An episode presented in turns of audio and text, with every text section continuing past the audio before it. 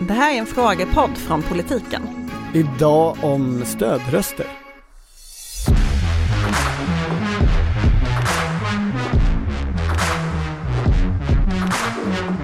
Frågan jag ställde var, nu ställer jag frågan tredje gången, jag tror många tittare vill veta. Fast jag tror inte att det, det är den viktigaste Nej, men frågan. om jag för- tror det.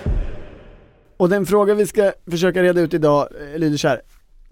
Det jag, undrar frågeställaren, ibland, Erik. Erik, Mm. eh, ibland undrar över är hur man kan veta att stödröstning förekommer. Finns det undersökningar om detta?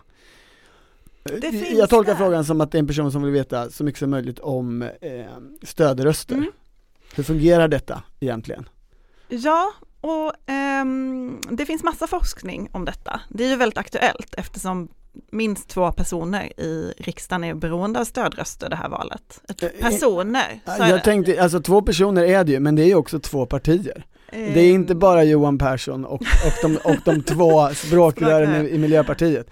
Men det är ju två partier som ligger eh, och har legat bra parkerade under 4% spärren. Ja, och ehm, det, det finns mycket forskning både i Sverige och internationellt om stödröstning eller strategisk röstning som man också kallar det. Eh, Är det så det heter på På vetenskapsspråk? statsvetenskapska så heter Okej. det så. Den som är bäst på detta i Sverige och har det som sitt forskningsområde heter Annika Fredén, statsvetare. Mm.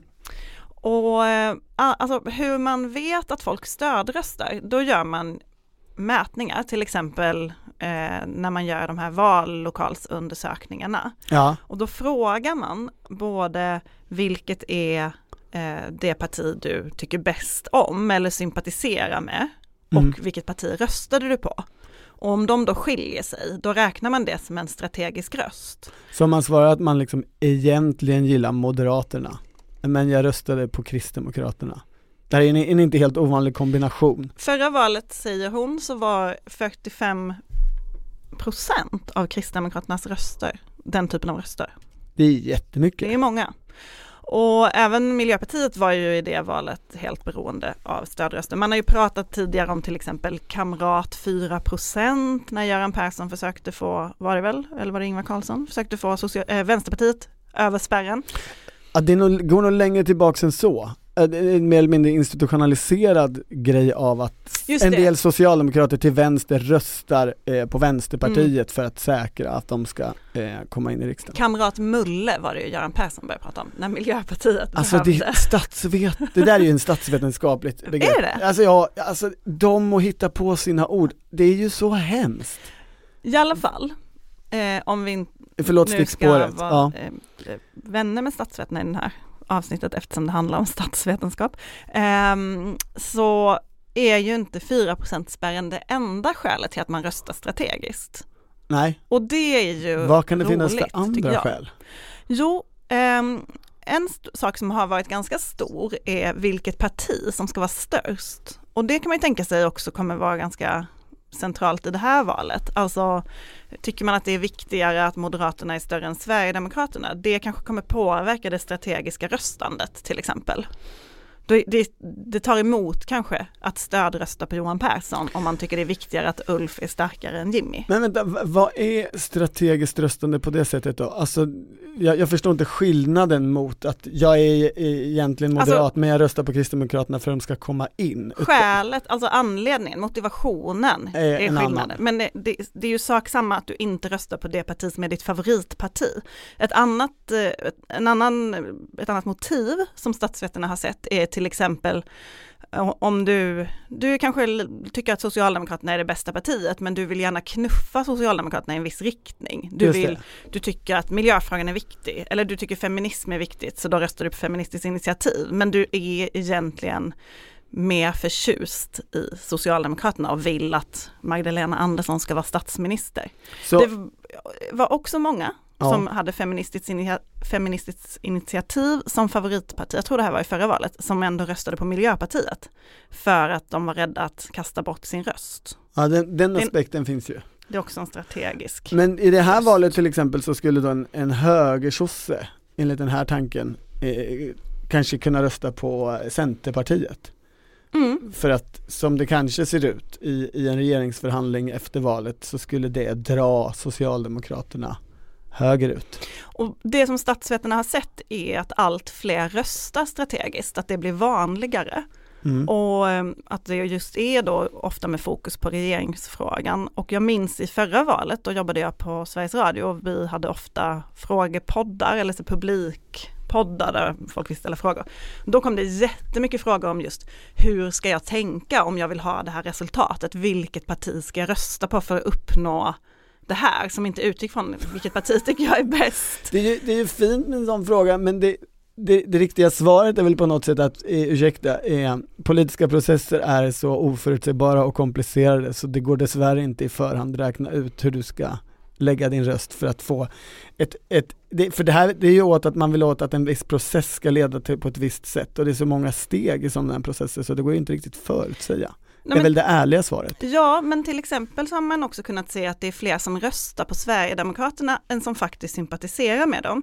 Det kan möjligen vara att man inte vill uppge att man sympatiserar med Sverigedemokraterna. Fast om man ändå har uppgett att man röstar på dem Ja, så mm, borde mm. inte det vara en skämsfaktor där kanske. Men då har man, tolkar man det som att man är man tycker invandringsfrågan är väldigt viktig, men man kanske inte egentligen vill att Sverigedemokraterna ska styra landet, men man vill att den frågan, alltså att de andra partierna ska ändra sig om den frågan. Man vill Då röra om i grytan.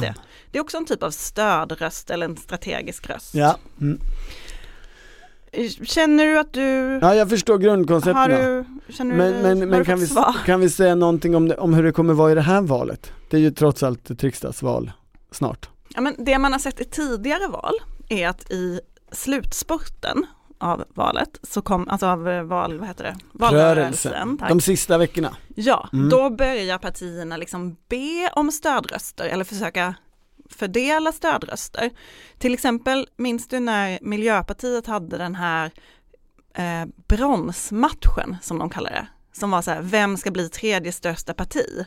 Alltså det var de eller Sverigedemokraterna. Ja, det var valet 2014, de förlorade ju den stort, men det var ett sätt för dem De blev typ femte eller Ja, sjätte största Jag tror de parti. blev fjärde faktiskt, men det var väldigt nära. Men, eh, men det, Sverigedemokraterna var ju mycket större. Men då var det en strategisk tanke att försöka få röster från de som hade gått till Feministiskt initiativ. Att man skulle då, genom att säga till dem, nu handlar det om vem som ska bli störst av oss och SD, så skulle man locka Ah. tillbaka dem. Mm. Kristdemokraterna, Funkade inte, får vi då konstatera. Eh, jo men till, eh, Eller till har man, viss del, man vet. kanske fick sådana röster ändå, Mm. fast man ändå inte blev tredje störst. Nej, det funkade då inte. Nej, det var nog en, eh, en, ett en, fiasko. en flopp. Mm.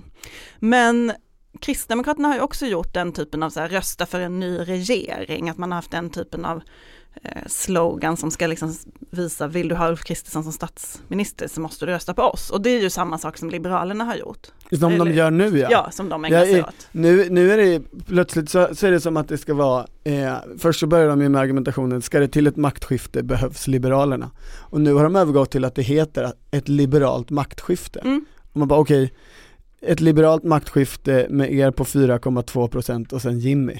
Men det spelar ju också roll, vad- vad är det för liberalt maktskifte? men det spelar ju också roll hur de stora partierna agerar. Alltså, än så länge har vi ju inte sett Socialdemokraterna räcka ut en hand till Miljöpartiet eller försöka flytta röster dit.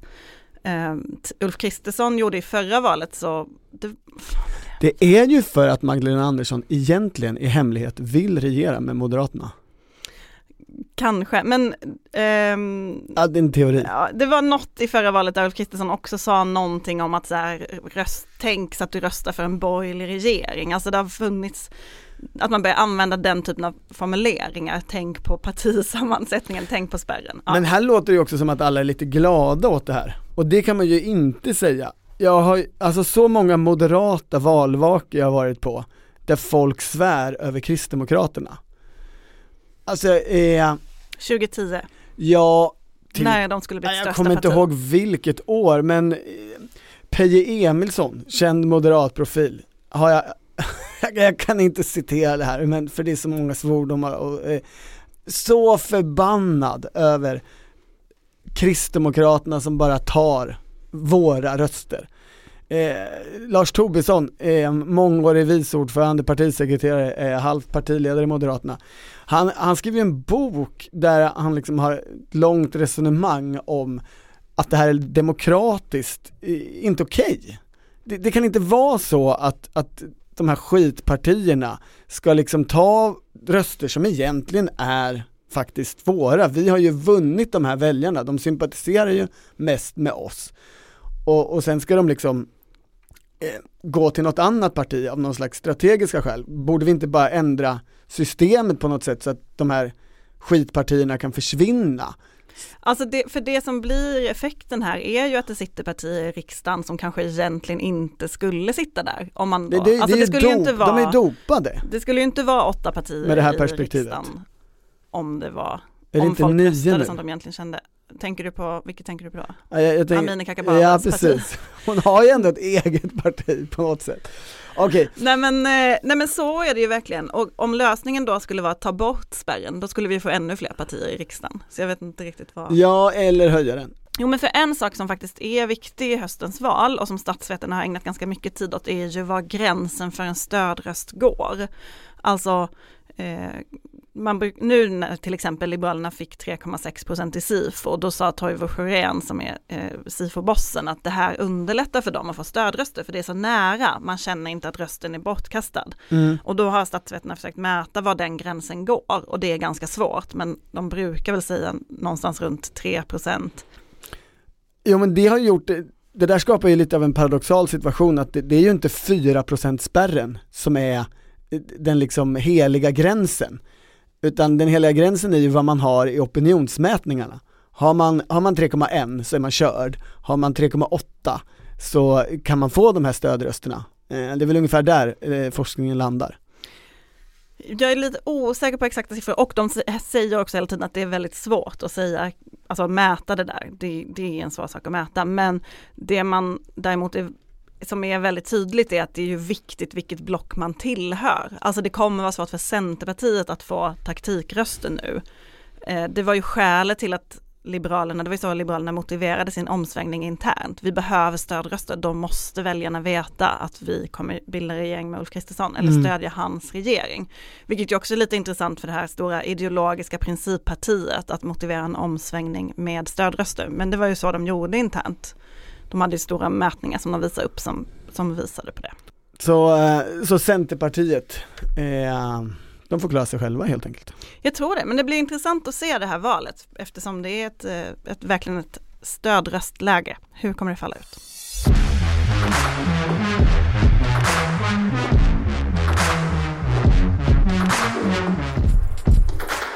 Du har lyssnat på Politiken, en podd från Svenska Dagbladet. Producent var Martina Pierrot, ansvarig utgivare Anna Kareborg.